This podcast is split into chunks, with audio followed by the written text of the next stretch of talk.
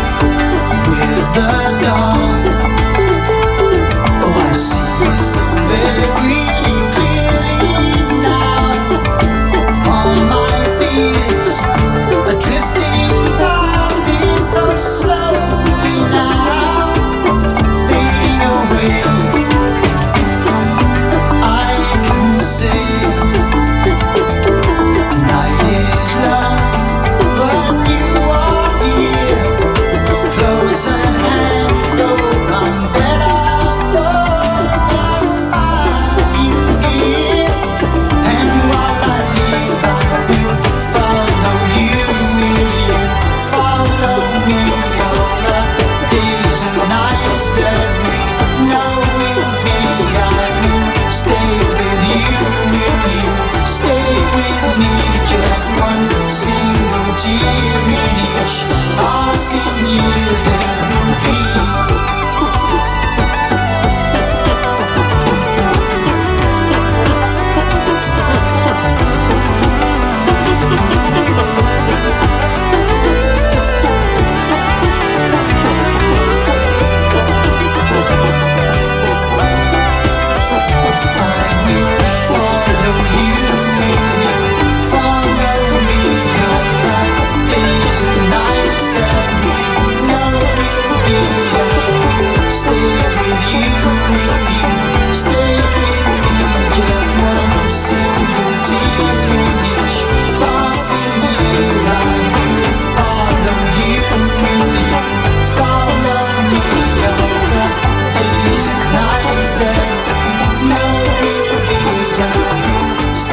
Genesis, follow you, follow me. Avontuurlijk.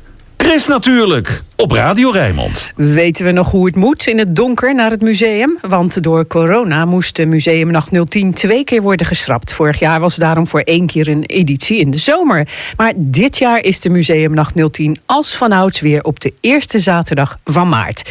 In het Belasting- en Douanemuseum ontmoet Chris natuurlijk conservator Annemarieke van Schaik en Khalid Kabay van het museum.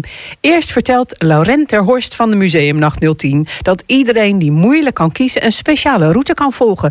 Voor ieder type wat wils. Bijvoorbeeld de avonturiers. Dan ga je echt uh, op avontuurlijk pad. De nachtvlinder, als je zin hebt om te dansen op verschillende plekken. We hebben de uh, dromer. Dus die bijvoorbeeld naar een tentoonstelling gaat... waar je helemaal kan wegdromen en kan nadenken over de toekomst... over je eigen leven. Ik heb zelf even gekeken, als ik uh, de avontuurlijke route zou doen... dan kom ik hier in het Belasting- en Douane Museum... voor de tentoonstelling Dierbare Goederen. Wat is dat voor tentoonstelling, Annemarieke? Nou, die hebben we samengesteld met allerlei uh, voorwerpen die in beslag zijn genomen door de douane. En het laat eigenlijk zien hoe respectloos mensen omgaan met dieren. En dat ze ze smokkelen in allerlei vormen, dood en ook levend. We hebben geen levende dieren in het museum, maar we geven daar wel voorbeelden van. Zo was er ook een, uh, een olifant, die is aangetroffen op een scheepsdek. En die heeft nog jaren in Blijdorp geleefd. En die heette ook Doanita. Ja, nou dat is dan goed afgelopen, maar een heleboel loopt helemaal niet goed af. Hier hangen een paar hele mooie foto's met wel nare dingen erop. Je ziet uh, een uh, luipaard uh, in een krat met een behoorlijk angstaanjagende kop. En ook de beer die te zien is in die grote vitrine. Uh, dat is ja, een berenvel met de kop er nog aan. Die uh, muil die is heel lelijk gemaakt eigenlijk. Ja, het is, je snapt, je, ik snap eigenlijk sowieso niet dat mensen dit in huis willen hebben. Je ziet hier een meneer op zo'n filmpje en die houdt een stuk hout in zijn hand. Ja, want uh, de smokkel van hout dat heeft de grootste impact. Want uh, als er hout illegaal wordt gekapt, betekent dat natuurlijk verdwijnen van het leefgebied van veel dieren. De planeet gaat veel eerder verdrogen. Op zoveel aspecten heeft hout invloed op de wereld en op, op de dieren die er leven. En ook in, uh, in afmetingen. Nou, er worden regelmatig, echt veel te vaak, containers aangetroffen met illegaal hout erin. Van sommige wilde dieren weet je het wel, hè, dat het gesmokkeld wordt. Maar het is ook een lucratieve bezigheid. Uh, ja, want bijvoorbeeld de, de, de pakkans is ongeveer even groot met drugs of met uh, uh, beschermde planten en dieren. Maar de straffen zijn een stuk lager. Dus we zien ook wel vaak dat het gecombineerd wordt. Dus dat mensen die drugs smokkelen ook dan wat slangenhuiden erbij stoppen. Of, hè, dus dat het echt ja, dezelfde criminelen zijn die actief zijn in die uh, werelden. Zullen we eens even kijken op de tentoonstelling wat er allemaal gevonden is? Ik hoorde dat het heette De Hel van Schiphol.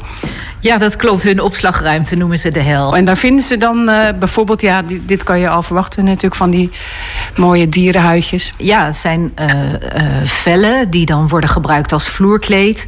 we hebben inderdaad een beer, slagtanden, slangenhuiden, vellen van varanen. Ook als vel, maar ook als tasje. Grote schelpen, kleine schelpen, koralen. Zijn er nou dingen waardoor jij zelf ook geschokt was? Dat dat gebeurt? Ja, voortdurend. Wat ik niet wist. Maar dat is dat uh, slangen bijvoorbeeld worden uh, aangesloten op een tuinslang. En dan worden ze helemaal volgepompt met water totdat die huid knapt. En dan is die huid dus helemaal schoon. En ik vond dat behoorlijk schokkend. En natuurlijk ja, proberen jullie ook wel mensen bewust te maken, denk ik. Om bijvoorbeeld niet in je vakantiekoffer een souvenir mee te nemen... die je eigenlijk niet zou mee moeten nemen. Ja, want daarom hebben we het hier ook zo eigenlijk op een grote hoop gegooid. Ja, in een, in een grote massale hoeveelheid. De vitrine aan de andere kant die laat een meer museale opstelling zien. Zoals je het echt zou verwachten in bijvoorbeeld een natuurhistorisch of Tijlersmuseum. Vogeltjes en schelpen, opgezette dieren. Ja, en dan eigenlijk ook als bijzonder uitgelicht. Uh, maar dat je je wel realiseert van, oh, dat is wel mooi zeg, zo'n stuk koraal, dat wil ik wel in mijn huis hebben. Maar dat je realiseert dat, dat, dat je dan dus een onderdeel wordt van, van die criminaliteit. Wat zit er in die potjes? Nou, dat zijn medicijnen. Want sommige mensen hebben het idee dat als je van een bepaald dier iets eet, dus gemalen bot of uh, ja, uh, berengal of wat dan ook, dat uh, wat eigenschappen van dat dier dan op jou overgaan. Ik zie daar allemaal kastjes staan, die kun je ook open doen. Laat maar een kastje open doen. Daar zie je dus een massale slacht van schildpadden. En ja, dus ook uh, van die ja, van het schildpad gemaakte armbanden, kammen of ja, alles wat er vroeger van gemaakt werd. Daar gaat dus eigenlijk zo'n moord op de schildpadden aan uh, vooraf. Daarom hebben we dit ook uh, achter een deurtje gedaan.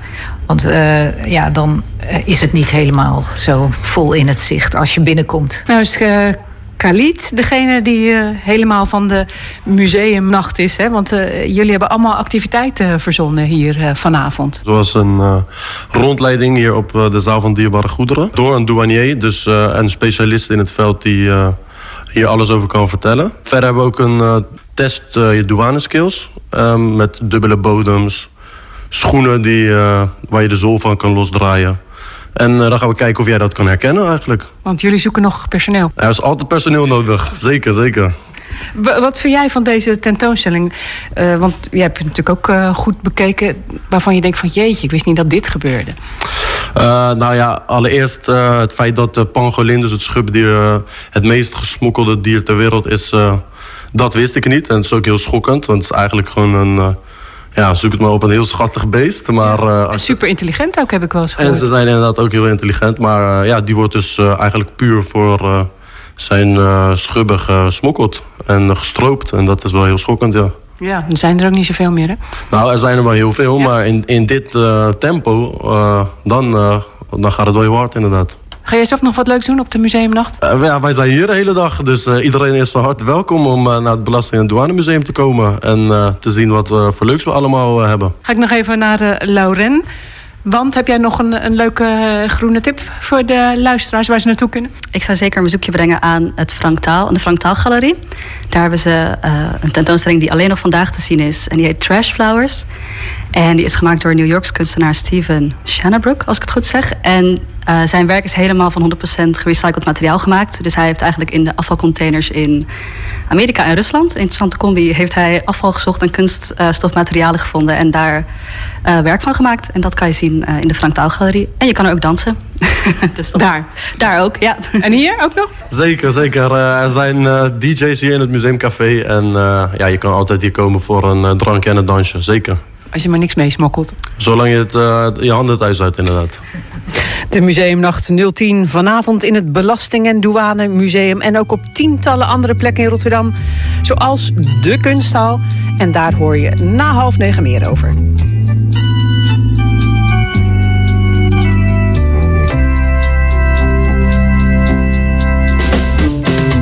Say that you stay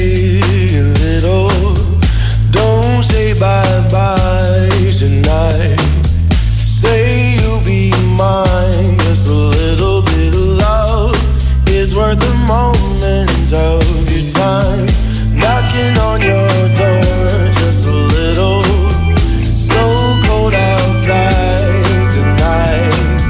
Let's get a fire I know I'll keep it burning bright If you stay won't you stay? stay?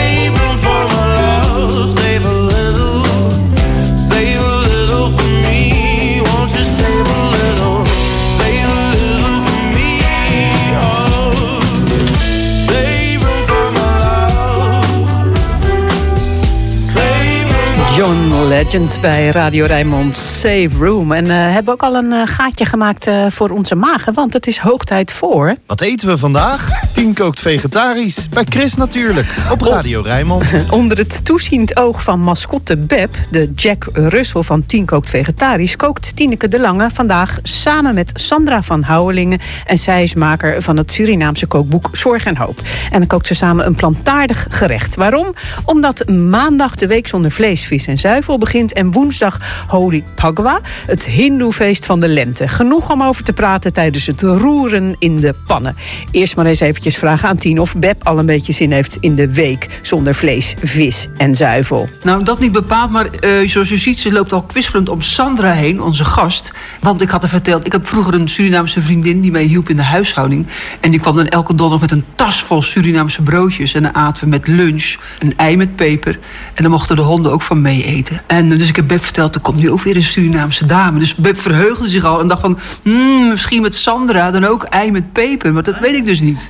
Dus ze verheugt zich. We zijn vandaag in kookstudio Poffa's in de Atjeestraat op uh, hele vriendelijke uitnodiging van uh, Verhaalhuis Belvedere. En dan ga ik dus samen met Sandra van Houwelingen koken. Die kookt dus vandaag met je mee. Waar kennen jullie elkaar van? We komen allebei uit het godvrezende Sliedrecht. nou, Sandra? Ja, het godingende Sliedrecht en ook onze middelbare school in Papendrecht. We waren een beetje vreemde vogels, zeg maar, op de school. En waarom? Nou ja, we waren wat minder van in dat hokje gestopt willen worden. En uh, dit eerste bruine meisje uit het dorp. Maar uh, op een gegeven moment, middelbare school. Jij was dan ook een vreemde eend in de buit?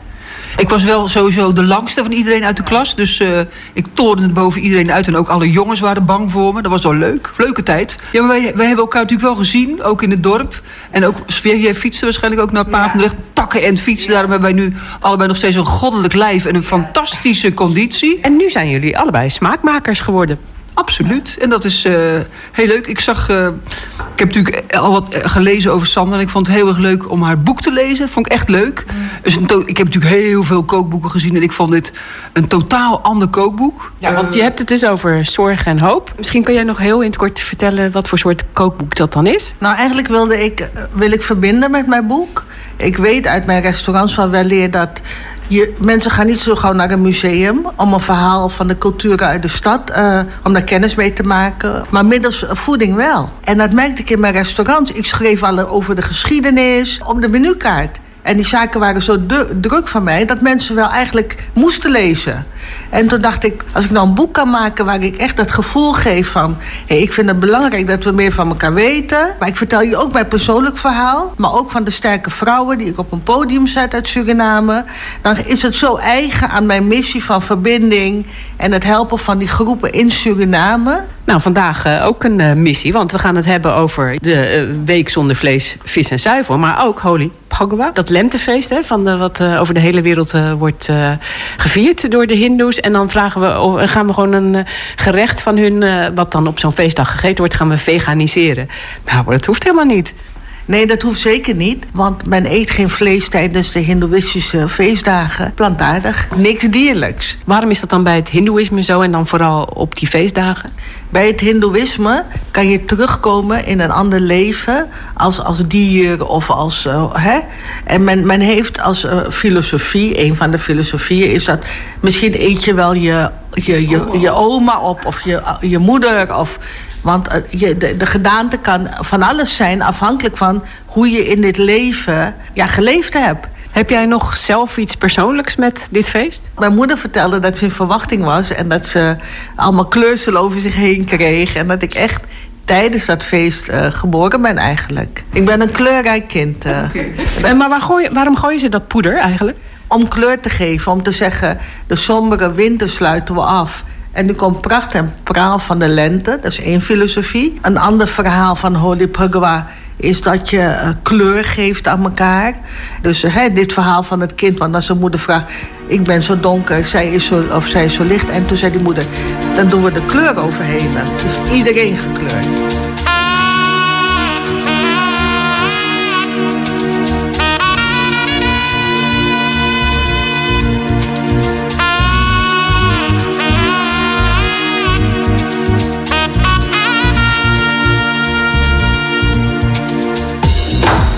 Zullen we nu een beetje al gaan verraden wat we gaan maken? lieve mensen, u denkt, eh, we zijn hier eh, vreselijke strijd aan het voeren. Maar Sandra van Houwelingen is gewoon een pastinaak aan het snijden... met een enorm gevaarlijk mes. We gaan een linzensaus maken. Gaan we een beetje pastinaak koken in een pannetje. Kan je ook de avond ervoor doen bij de aardappels, hè? daar heb je het alvast. Ik ben heel erg van makkelijk en snel. En eh, we hebben in dit geval een blikje linzen, maar vaak wel ik die ook wel gewoon, die kook ik. Want veel mensen denken, veel werk, lang. Nee, linzen zijn zo gaar. We doen daarbij boerenkool uit mijn tuin. Dat vind ik heel leuk. En dan doe ik wat tomaat en smaakmakers. Uit, in dit geval de Hindustaanse smaakmaker. Dat is een curry rub die we hebben. Daar, uh, daar staat ook op hoe je dat moet bereiden. Dus gewoon eigenlijk het altijd hetzelfde. Olie, knoflook, uitje. Eerst altijd uitje doen, later de knoflook, anders verbrande knoflook. Dan de curryrub erbij, even bakken natuurlijk. Doe je dat blikje erbij.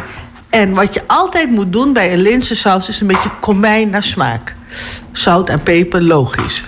Maar dan heb je pas een gedeelte. Jij hebt ook nog iets gemaakt, toch? Ik heb opdracht gekregen van Sandra om een... Uh... nee hoor, nee, ik vond het heel leuk. Ik heb... Uh... Ik heb met uh, een van de tantes van uh, Zorg en Hoop, tante Sita, heb ik een aardappel pastinaak curry saus gemaakt. Heb ik daar nog wat selderij en wat tomaat bij gedaan. Langzaam laten stoven, zeg maar. Dus dat dan zeg maar altijd, al die bouillon die gaat dan weg en de saus die blijft over. Ik ga nou met die uh, aan de gang. Wat moet ik daar nou mee doen? Moet ik dat gelijk inmikken? Moet het worden ver, ver, verhit of hoe werkt dat? Nou, alles met curry, maar ook de kruidenpasta. Hè, die is vochtig. Deze rub die is droog. Het is een droge uh, blend, een mengsel. Hè. Dat is eigenlijk een curry altijd. Maar alles wat een droge kruid is, moet je altijd in een olie bakken... zodat de smaken vrijkomen. Mm. Dus dat gaan we nou doen, Chris. We gaan het er mooi doorheen mikken. De kruidenrub hebben we gedaan, een eetlepel. En nu gaan we, als dat een beetje gaar is, dan doen we dat blikje open en dan doen we erin. Eigenlijk is dat daal. Daal is gemaakt van gele linzen. Ik zeg altijd smaken van daar, maar producten van hier. He? Dus in dit geval hebben we dan uh, bruine linzen. Dus nu komt er boerenkool uit eigen tuin. Als je ja. dat niet hebt, wat dan?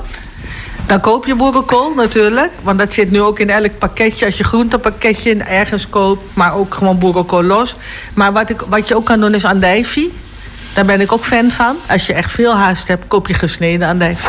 En dan gaat Sandra nog weer wat anders maken. Ik denk wel dat de mensen thuis dat het een beetje duizelt als ze dit allemaal horen.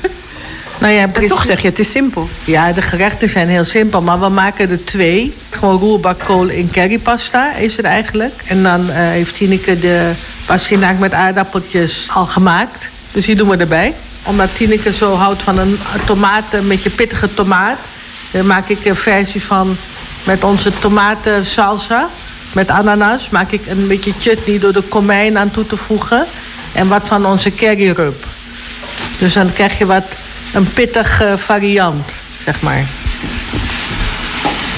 En je moet die, even een vraagje. Je moet die kool echt roerbakken, die maar die roerbakje echt. Dus ja, hij moet nog een beetje knapperig blijven. Ja. Oké. Okay. Nou, we beginnen aan de afronding, uh, toch? Nou, we hebben natuurlijk als een dolle staan koken. No spang, zegt Sandra, maar we hebben natuurlijk heel hard staan stressen. Nee, we hebben heel hard staan doorwerken. Uh, we gaan alles op tafel zetten en we gaan uh, proeven. We hebben roti. Ja, en nu ligt er dus, dus te bakken een plaat. Roti? Of een roti, hè? Ja, want jullie noemen het plaat. Ja, het heet eigenlijk een plaat. Vaak zeggen mensen tegen mij, ik heb een roti gemaakt. Maar dat klopt dan niet, want een roti is eigenlijk de rotiplaat. Hoe smaakt het? Nou, uh, het is heerlijk. Uh, de, de, mooie combinatie van die pastinaak... met kool in een curry in deze tijd, ja. En jij, Tien? Mm. Pardon, lieve mensen, even mijn mond leeg eten. Um, ik vind het allemaal heel erg lekker. En ik vind het ook heel erg leuk, want ik had Sandra gevraagd... of ze iets met tomaten en sambal wilde maken. Ze heeft een tomaten chutney gemaakt. En die vind ik echt heel erg lekker ruiken. En die ziet er mooi uit. Heb je hem al geproefd? Want hij schijnt heel heet te zijn, toch? Het valt eigenlijk wel mee. Ik vind hem echt heel erg lekker. Ja, super. Oh, lekker zeg. Tien kookt vegetarisch op Radio Rijnmond. Bij Chris natuurlijk.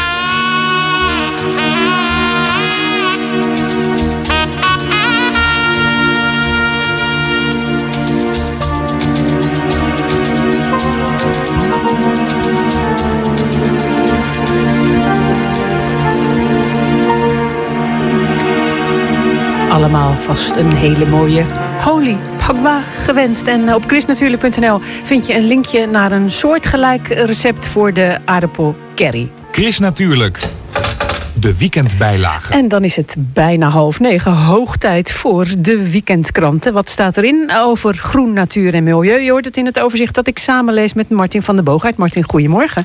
Ja, goedemorgen Chris. Uh, begin in, uh, in Turkije. Want uh, meer dan drie weken na de aardbeving daar vinden hulpverleners nog steeds levende dieren in verlaten appartementen, beschadigde gebouwen of zomaar op straat.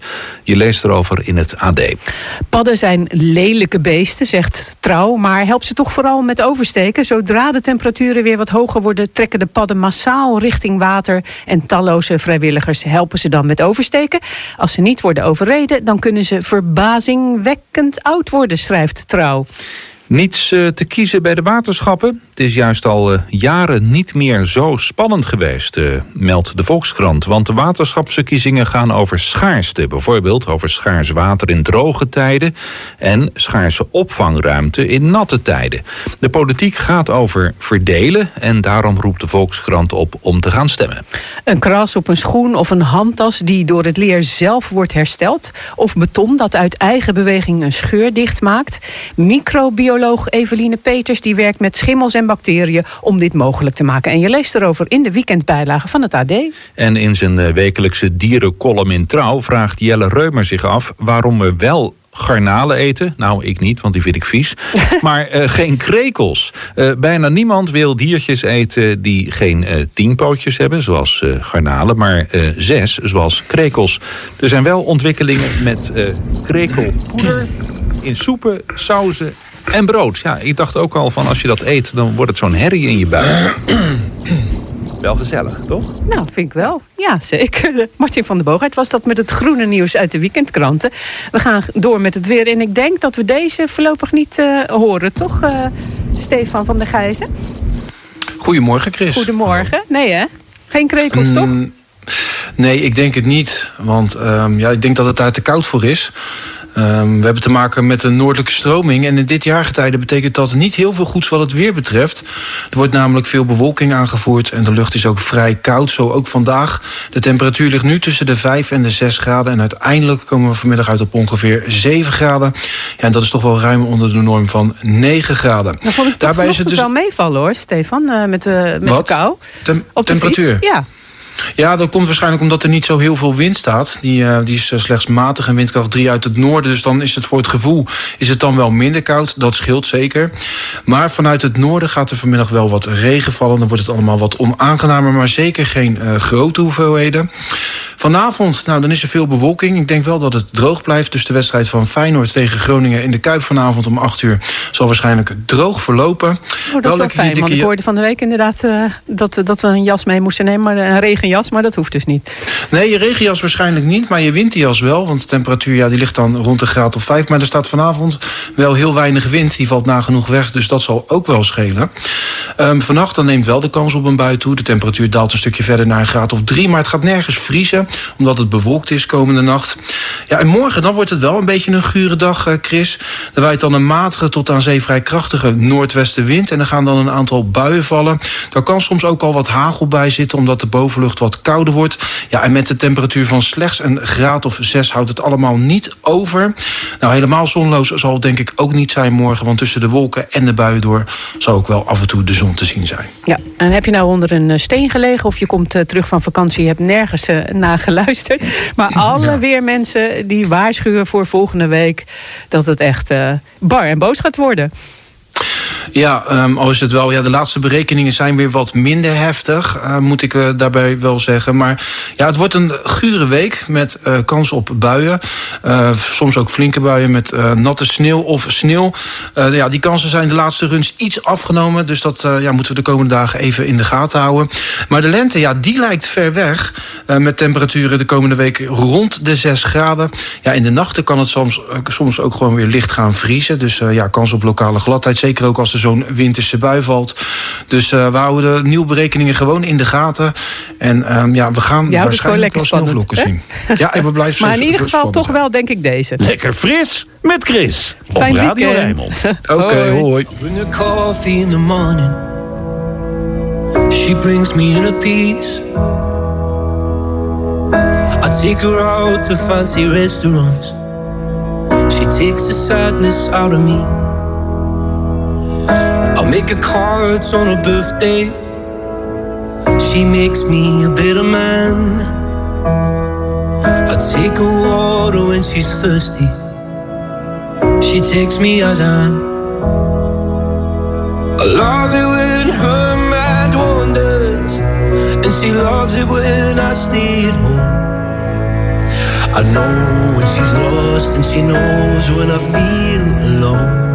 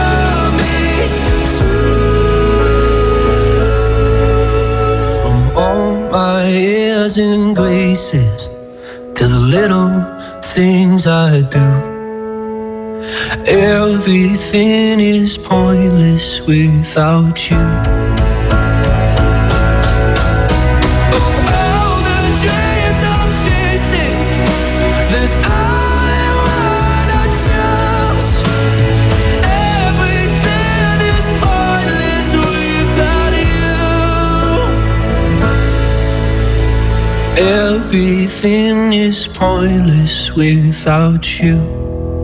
Louis Capaldi. Chris natuurlijk, op Radio Rijnmond. Bijzondere wezens zijn nu te zien in de kunsthal in Rotterdam. Harige schepsels die een mix lijken van mens en dier. De kunsthal doet ook mee aan de Museumnacht 010. Dus ook vanavond kun je gaan kijken naar de tentoonstelling met de naam Metamorphosis.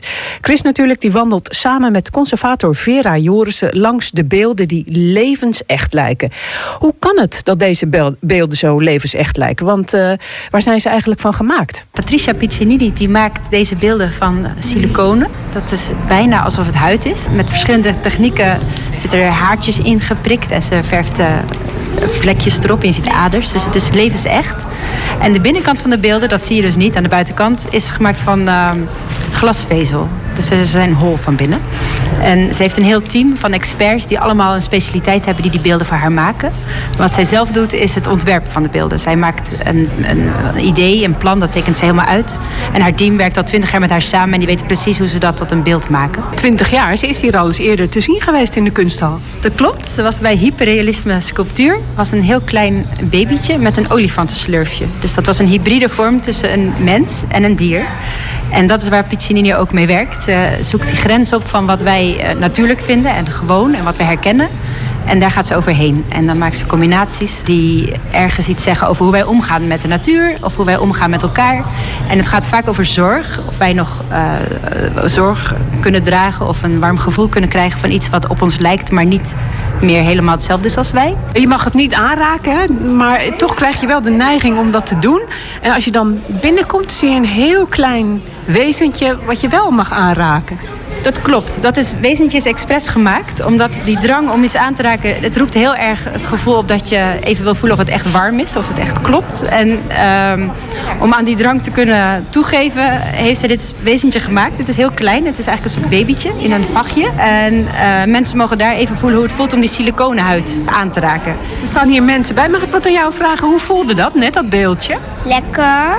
Uh, ja, een beetje plakkerig. Plakkerig? ja. Maar wat voor gevoelens roept dit beeldje op bij u? Nou, ik denk aan Mare toen ze een klein babytje was. En toen lag ze in een kistje. Want ze hadden zo'n kleine slaapkamer.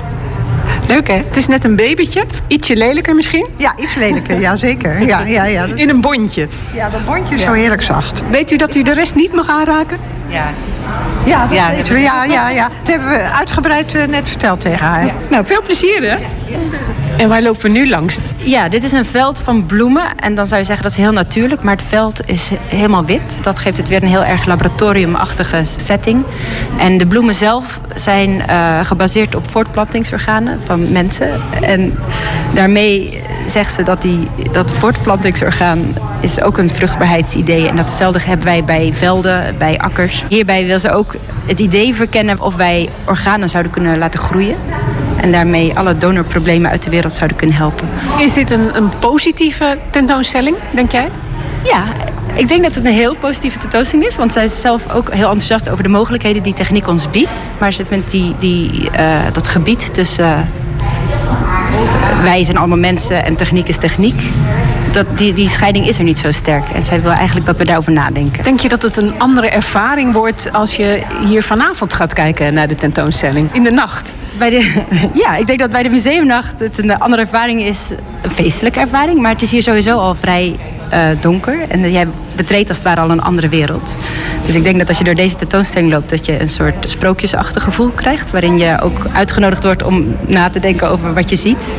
En waarin je mogelijk... Uh, van gedachten verandert. Over wat leuk is en eng en mooi en angstaanjagend en schoonheid. En doen jullie nog wat speciaals vanavond? Ja, uh, vanavond kan je een fotoshoot doen waarbij je jezelf kenmerken kan geven van een, een van de werken van Patricia Piccinini. Dus het is een metamor fotoshoot. Wat is dit voor een beeldje? Dit is een, uh, de surrogaat, dus het is een draagmoeder. Dit is een oplossing die Patricia Piccinini biedt. Het is geen echte oplossing voor het probleem dat uh, wombats in Australië met uitsterven bedreigd worden. Ja, want de wombats dat zijn uh, echt dieren die alleen maar ook in Australië voorkomen. Ja, dus dat is ook iets wat bij haar in de buurt ook speelt. Ja, wombat is een buideldier. Een moeder krijgt één keer in het jaar de kans om een baby te krijgen en die moet dan negen maanden in de buidel. En op de een of andere manier gaat dat niet goed. En deze oplossing is een schattig gordeldierachtig wezen met zes buidels. Dus die kan heel efficiënt zes kleine wombatjes in één keer op laten groeien in haar rug. Ja, en het verhaal daarachter is misschien ook... Uh, ja, we verzinnen allemaal oplossingen... maar de echte oplossing, de echte fouten die we maken... die worden daar niet mee opgelost. Dat klopt. En daarmee, dat is ook waar haar werk over gaat. Want we zijn heel vaak bezig met oplossingen. En we lossen aan de ene kant van het op... maar we zien niet allemaal altijd het hele probleem. Maar dat neemt niet weg dat we wel die zorg hebben... en dat we ongerust zijn over het uitsterven. En dat we dus die, die bezorgdheid bestaat gewoon bij alle mensen. En eigenlijk wil niemand dat een dier uitsterft... we willen met z'n allen wel dat al deze dieren een onderdeel zijn van ons leven hier. En het gaat ook over de onmacht om dat tegen te houden en dat op te lossen. Is er nou één wezen hier waarvan jij zegt... ja, dit vind ik zo mooi of zo bijzonder... en ook vanwege het verhaal eromheen? In de field Wat een enorme installatie is waar je als bezoeker helemaal in kan. Aan het einde van dit landschap, uh, waar je ook krekelgeluiden hoort, zie je een tent, een oude legertent. Um, helemaal ingericht ook met uh, de gebruikelijke kampeeruitrusting. En daarin slaapt een koppel van wezens die ook niet menselijk zijn per se, maar ze hebben wel herkenbare trekken. En duidelijk hebben ze het vredig, misschien niet helemaal op hun gemak, maar ze zijn wel in een innige omhelzing. En dit beeld is gebaseerd op het verhaal van Mary Shelley van het monster van Frankenstein. En dat monster voelt zich ongemakkelijk omdat hij anders is dan alle mensen. Dus hij hoort er niet bij. En hij wil heel graag een bruid. En Dr. Frankenstein maakte uiteindelijk ook een bruid. Maar op het moment dat hij die gemaakt heeft, realiseert hij zich dat hij nu zijn monster en zijn toekomstige bruid een eigen leven kunnen gaan leiden. En dat overziet hij niet. En hij doodt de bruid. Uh, het loopt vreselijk af en iedereen wordt uh, bloedig, komt hij aan zijn eind. En Piccinini hier heeft het verhaal aangepast en een happy end gegeven. Maar waarom vind jij dit dan zo mooi? Ik vind het mooi om na te denken over alle dingen die wij nu maken. En alle, ook machines die wij nu maken. Dat wij proberen wel het verhaal te sturen. En we hebben een, een bedoeling met het maken. Maar uiteindelijk, hoe het verder gaat, daar hebben wij niet totale invloed op. Ja, en ik denk dus dat het goed is dat we nu kijken... wat gebeurt er als je niet het helemaal probeert te beheersen? En waar leidt dat toe? En misschien ook wel naar een goed eind. Een goed eind. Wie kan daar nou wat tegen hebben? Te zien in de kunsthal in Rotterdam nog tot 4 juni. En vanavond is de kunsthal extra lang open voor de museumnacht 010.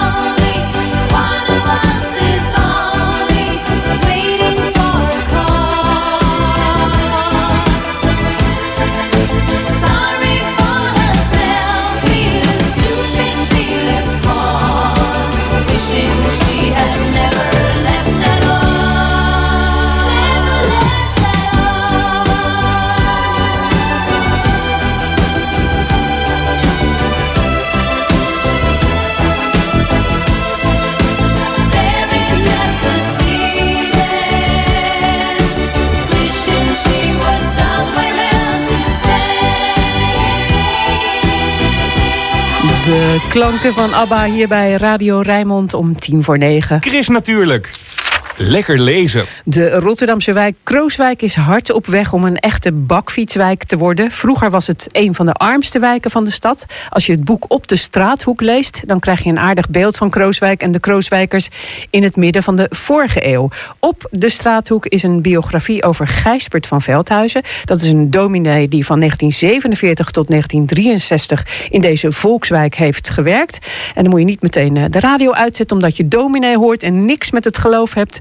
De meeste Krooswijkers die hadden ook niks met het geloof. Dominee van Veldhuizen, die hebben ze wel in hun armen gesloten. En uh, dan gaan we horen van Herman Noordergraaf, zijn biograaf uit Schiedam, waarom dat dan is. Herman, uh, hartelijk welkom. We hebben afgesproken om uh, je en jij te zeggen. Waarom moest er nou een biografie komen over deze Gijsbert van Veldhuizen? Ja, Gijsbert van Veldhuizen, hervormd predikant, was oorspronkelijk een vrij traditionele predikant, maar in al in zijn Kralingse tijd, waar hij eerder predikant was, uh, ontwikkelde hij tijdens uh, de oorlog. Toen hij geconfronteerd werd met uh, opvang van mensen die bij het bombardement hun huis kwijt waren geraakt. een nieuwe visie op het kerk zijn. De kerk is er niet alleen voor de, pre voor de preek op zondag, maar de kerk is het ten dienste van de mensen. Ja, en, dus, ja? Want wat u zegt, dus eigenlijk die ervaringen in, in de oorlog, die vormden de basis voor zijn latere manier van werken. Ja, daar is het begonnen. Uh, en, maar in Kooswijk is dat, uh, zeg maar, die lijn verder doorgetrokken. Hij kwam daar inderdaad in 1947 onbekend was hij uh, met die situatie. Hij woonde zelf in Kooswijk op een steenworp afstand. Maar wist nauwelijks uh, wat er in Kooswijk allemaal aan de hand was. Wat armoede betreft en uh, de grote woningnood. En kwalitatief heel slechte huizen. Mensen die opgepropt woonden. En daar stond hij dan in 1947. En dat hij... was weer heel anders dan uh, bijvoorbeeld in Kralingen, waar hij eerst dan uh, had gezeten. Daar was het een beetje meer gemeleerd. Ja, zeker. Van rijk was tot arm. Rijke uh, arbeiders en rijkere mensen. En, en dat was in Krooswijk niet zo? Nee, er was grotendeels laag en ongeschoolde arbeiders die onkerkelijk of uh, uh, zelfs antikerkelijk waren. Ja, wat moet je daar als predikant, vraag ik me dan af. Ja, he, dat, uh, die vraag stelde hij zichzelf natuurlijk ook. En toen is hij begonnen met het leggen van contacten met de mensen... door heel intensief bij de mensen langs te gaan. Huisbezoek noemen we dat in kerkelijke termen. Hij bezocht wel in die beginjaren wel uh, 900 uh, uh, huishoudens. Maar hadden ze daar wel zin in dan? dan denk ik, ja, wat, wat moet ik, dominee, ga weg. Dachten ze dat niet? Een aantal wezen hem af, maar hij kwam toch in veel... Uh, gezinnen kwam hij binnen. Dat, ja. dat lukte toch wel. Ja, en maar een leuk verhaal bijvoorbeeld uh, is dan uh, dat, dat je niet met z'n tweeën moest komen aan de deur. Waarom niet? Ja, dan ehm, loopt een gesprek toch heel anders uh, uh, langs twee personen dan als het om één persoon gaat. En waar, waarbij je dan heel... Oh ja, nee, ik bedoelde eigenlijk oh, oh, ja, ja. over de politie. Dat oh, dachten, ja, nou, dan, dan, staat de politie voor de deur en dan doen we zeker niet. Uh, ja, ja, natuurlijk. Als je dat, ja, kijk, hij, hij moest echt wennen aan de heel andere cultuur. He, dat was bijvoorbeeld een verhaal van hem dat hij vertelde dat iemand uit de kerk op bezoek kwam bij iemand die overspel had gespeeld. En toen zei uh, diegene die bezocht, die zei... we zijn allemaal zondaars. Hè? Dat, en toen uh, keken ze wel vreemd, want dan dachten ze... hé, hey, die man, zondaar, dat is, iemand die altijd, dat is iemand die overspel speelt. Maar zo bedoelde die man het natuurlijk niet. Um, maar ja, dus, hij moest, de, dus het taalgebruik was hij heel, werd hij heel alert op. Wat betekenen bepaalde woorden voor mensen. En ook dat je zo concreet mogelijk moest praten. En niet met abstracte begrippen. Be begrippen moest nee maar hij, hij zei ook van, ja kijk, wat is de kerk dan? die kerk is hier nu in Krooswijk niet om zieltjes te winnen. Maar gewoon om de mensen te helpen. Ja, om met de mensen op te trekken en hen, hen te ondersteunen in een ja, dat ze een beter leven zouden krijgen. Ja, maar wat deed hij daar dan allemaal voor? Nou, hij ontwikkelde, zeg maar, gaande de rit, uh, al, al naar wat hij hoorden. Hè, um, een heel eigen clubhuiswerk. Er was in de Van Rijnstraat. En later kwam er nog een clubhuis bij in de Spironissenstraat. En daar had hij heel veel activiteiten. Jongere clubs. Met handarbeid en spellen. Kampwerk, dat de mensen dus op uit konden trekken moederwerken. Daar hadden ze eigenlijk geen geld voor, dus hè? Nee, om, nee, om nee. ergens naartoe te gaan. Dus dan konden ze lekker eh, een weekje eh, met de bleekneusjes eh, mee op vakantie. Ja, en ook ja. waren er speciale moederweken, hè, dat, die, dat de vrouwen op adem konden komen. Ehm, meisjesclubs, gespreksgroepen. ehm, en eh, ja, wat ook heel bijzonder is, hij had ook een boxclub. Ja, want dat is eigenlijk het eerste waar ik dan altijd aan denk eh, als ik aan Krooswijk eh, denk. Hè. Boksen. En natuurlijk ook de vermaarde Beb van Klaveren, die was kampioen. Maar dat, dit, dat, dit boksen was een beetje na zijn tijd alweer. Hè. Na de tijd van Beb, Beb van Klaveren. Hij richtte gewoon bokscholen op, onze Ja. dominee. Ja, hij ontwikkelde toen hij daar kwam goede contacten ook met Beb van Klaveren. Die was toen in zijn nadagen Ja. inderdaad.